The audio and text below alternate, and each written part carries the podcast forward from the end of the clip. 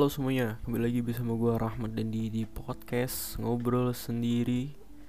Uh, Untuk tanggal 4 November uh, Bagaimana kabar kalian semoga Bagaimana kabar kalian semua? Semoga baik-baik aja. Ya Ya ini Gue lagi rajin. Ini gue jeda waktunya cuma satu minggu kemarin kemarin. Gue buat podcast dengan jeda waktu dua minggu. Hmm, ya gue masih belajar untuk berbicara yang baik dan benar. Gue baru sadar bahwasanya uh, kualitas seorang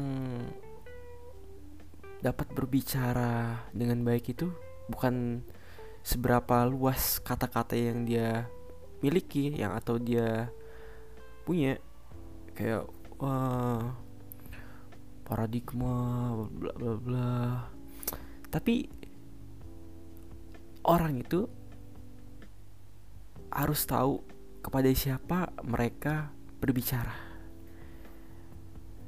Ketika lo berbicara dengan orang yang latar belakangnya baik itu pendidikan maupun sosialnya minim lu bisa ngobrol sama mereka dengan analogi-analogi atau bahasa-bahasa yang lebih simple dibandingkan lu berbicara dengan orang yang berpendidikan tinggi orang yang biasa dengan bahasa Inggris sebagai uh, bahasa sehari-harinya mungkin. Jadi lu harus tahu kepada siapa atau lu harus tahu lawan bicara tuh siapa. Ya gue masih terbata-bata terkadang-kadang. Ini orangnya uh,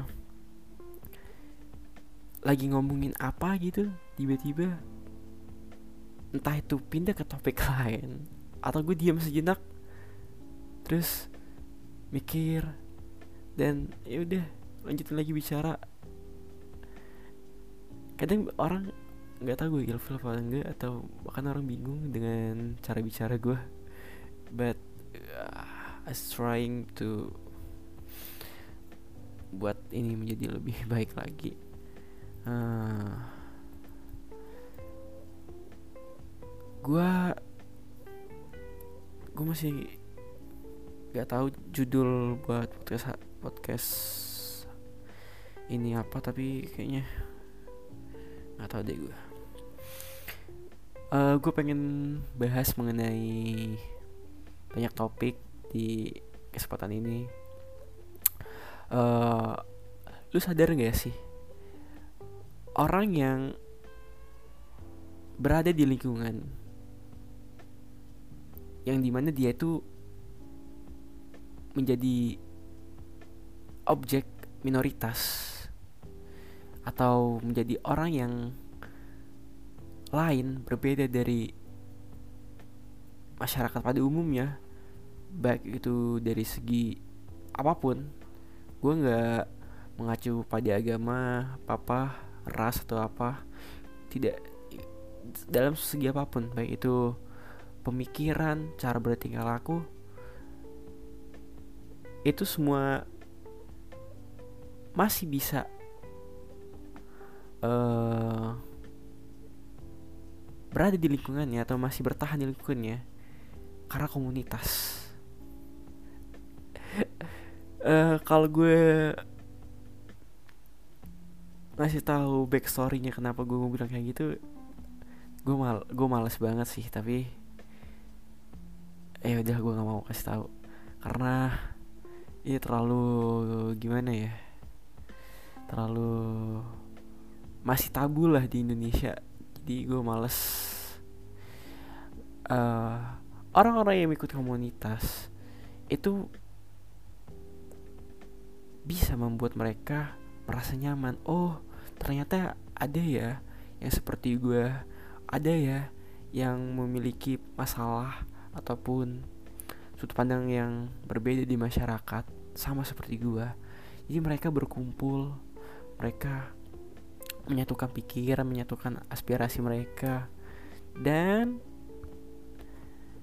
semakin banyak komunitasnya semakin mereka gencar untuk berbicara melakukan uh, entah itu turun jalan atau membuat keberadaan mereka itu harus dijaga atau dipertahankan untuk mereka. Uh, ya itulah. Jadi komunitas komunitas itu adalah wadah dari setiap perbedaan yang ada di masyarakat. Berkumpul menjadi satu dan itulah bertahan. Uh, gue tadi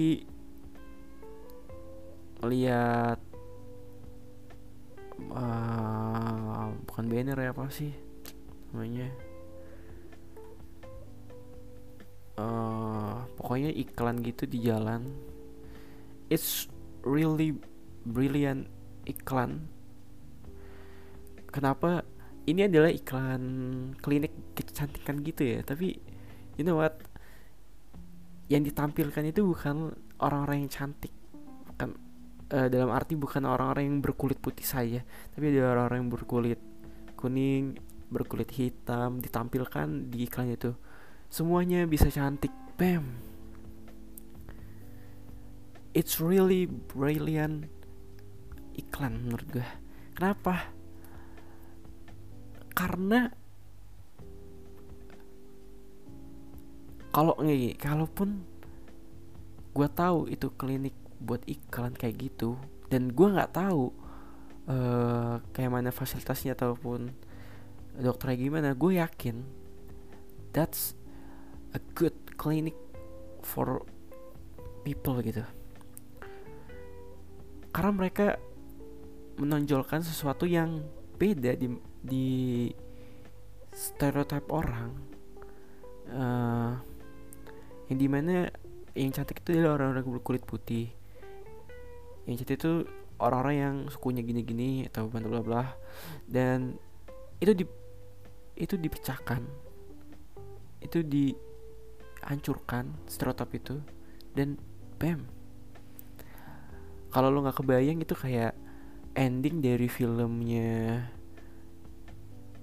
uh, imperfect. Ya yeah, filmnya si Ernest. That's a good uh, udah berapa menit ini?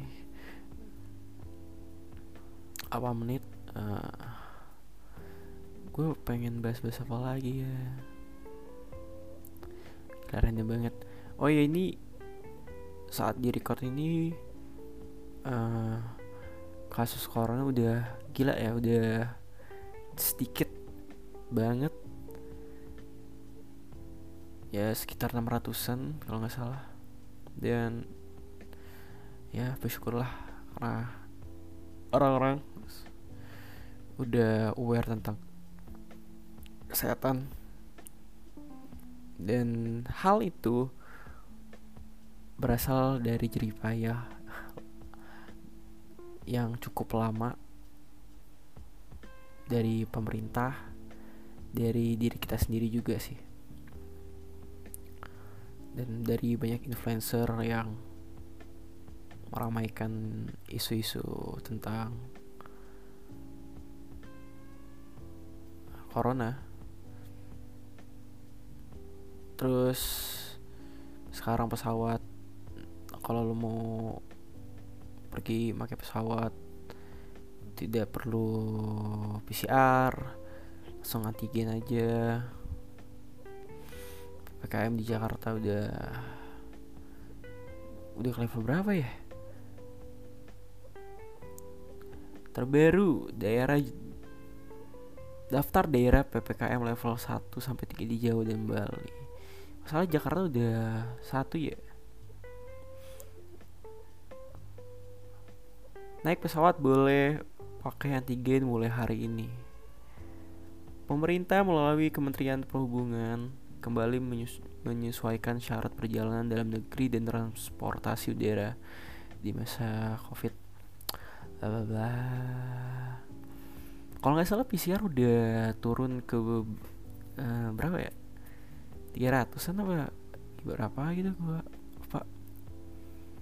Ya itu angka yang bagus lah.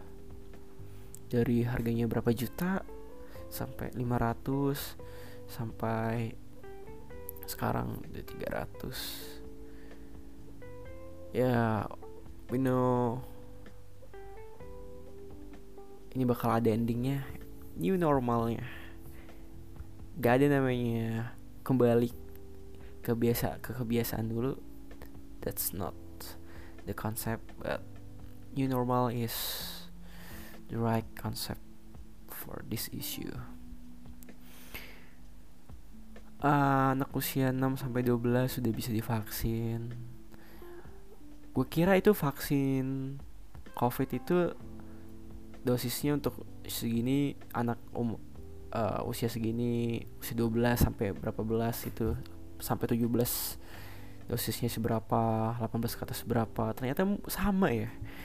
Gue gue nggak tahu deh kenapa nggak dari dulu aja. Oh, udahlah dari anak-anak sampai dewasa vaksinnya ini vaksin di sini gitu. Ya gue tahu sih uh, beresiko kalau lu menyuntikkan vaksin itu sembarangan tanpa riset yang lebih dalam.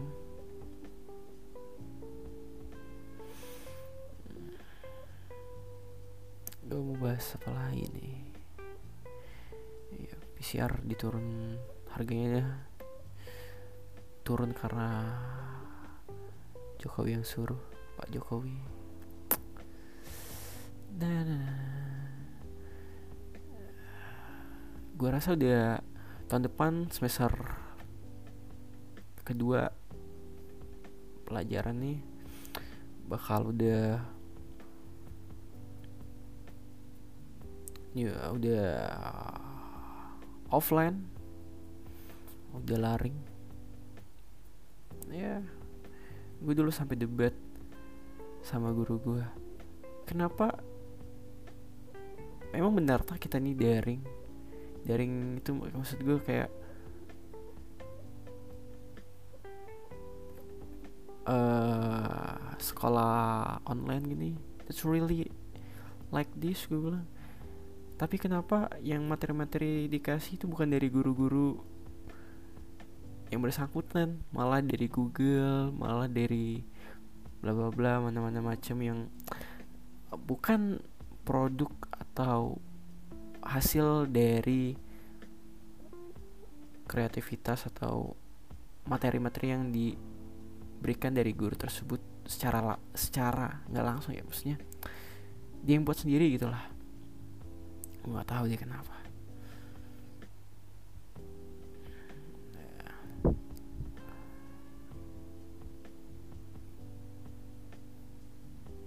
Puluhan anak robohkan 50 pohon pisang karena ikutan salam dari Binjai. so, sebelum salam dari Binjai ini ada apa tuh Dilan Dilan Bekasi apa? Gue nggak tahu deh itu gue nggak gue nggak ada gue nggak menggunakan TikTok tapi gue tahu tren-tren yang ada di TikTok dari kawan-kawan gue gitu. Salam dari Binjai. Itu mukul-mukul mukul-mukul pisang gitu. Ya ampun. Kenapa gue tahu ya? Itu gue search di YouTube. Gue nggak tahu yang memviralkan ini adalah boxer atau petinju yang terlatih atau dia cuma tapi lah bisepnya lumayan sih. Gue yakin deh.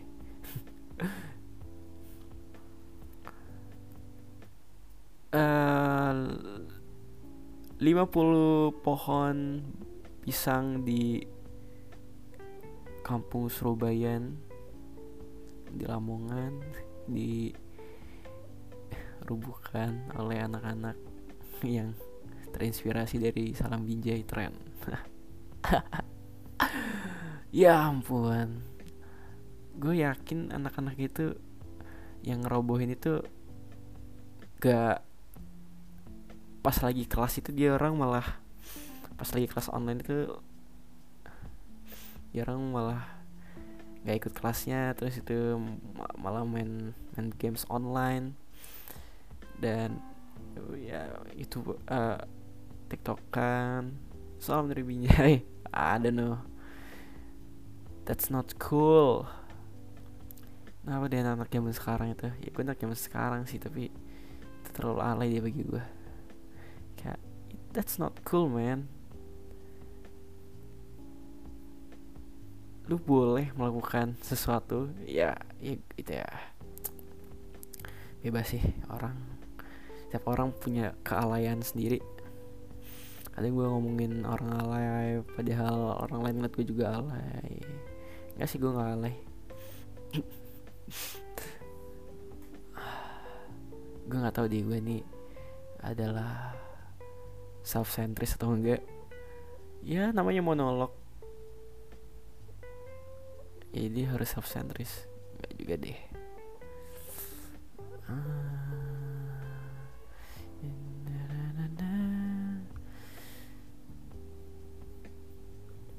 Oh iya yeah. gue pengen ngebahas film. Berapa hari lalu gue nonton film judulnya Hypnotis. Ya yeah, that's good film menurut gue diawali dengan ya pokoknya nonton lah kamu orang. Gue gue penasarannya adalah apakah hipnotis itu bisa berdampak negatif separah itu kalau digunakan oleh orang-orang yang salah gitu? Ya, ya dari dulu kita tahu kasus orang ditepuk di AT di depan ATM terus tuh dia disuruh ngambil uang uangnya kasih sama si penghipnotisnya terus dia nggak inget sama sekali apa pun. Dan ya gue nggak tahu deh itu. Tapi di film ini lebih parah lagi orang itu bisa seorang bisa dicuci otaknya atau brain washing melalui hipnotis dan ketika orang itu pernah melakukan terapi hipnotis dan dia itu udah ditaruh chip gitu istilahnya kerennya sebagai uh, kalau bahasa itunya penerima atau reseptor jikalau ada sinyal-sinyal dari penghipnotisnya itu masuk kepada dia. Misalnya lu pernah punya gangguan kecemasan tentang ya apa pun itu atau apa laba-laba kalau jengking dan lain-lain terus tuh lo dihipnotis untuk melepaskan rasa cemas itu dan secara nggak langsung lu udah diberi chips dari uh, psiko psiko apa istilahnya? Psikolognya psikolognya. Dia udah nanamin chip uh, untuk reseptor dari sinyal-sinyal dari psikolog tersebut. Jadi ketika psikolog itu melatih lo untuk lepas dari masalah tersebut secara nggak secara nggak langsung juga psikolog itu bisa mem memberikan apa ya istilahnya? Kayak uh, masukan masukan bukan masuk masukan ya. Ya kayak gitulah you know lah. Dia sesuatu yang membuat lu menjadi tidak khawatir lagi atau sesuatu yang membuat lo bisa melakukan hal-hal yang dia perintahkan gitu. And that's really dangerous for orang-orang yang atau ya gue nggak tahu di psikolog itu ada sumpah kayak dokter atau enggak tapi ya itu bakal bahaya sih kalau di ilmu itu dimiliki oleh orang-orang yang kurang tepat. Oke gitu aja udah 20 menit. Gue nggak tahu itu bakal bermanfaat atau enggak. Ya udahlah. Ciao Thank you.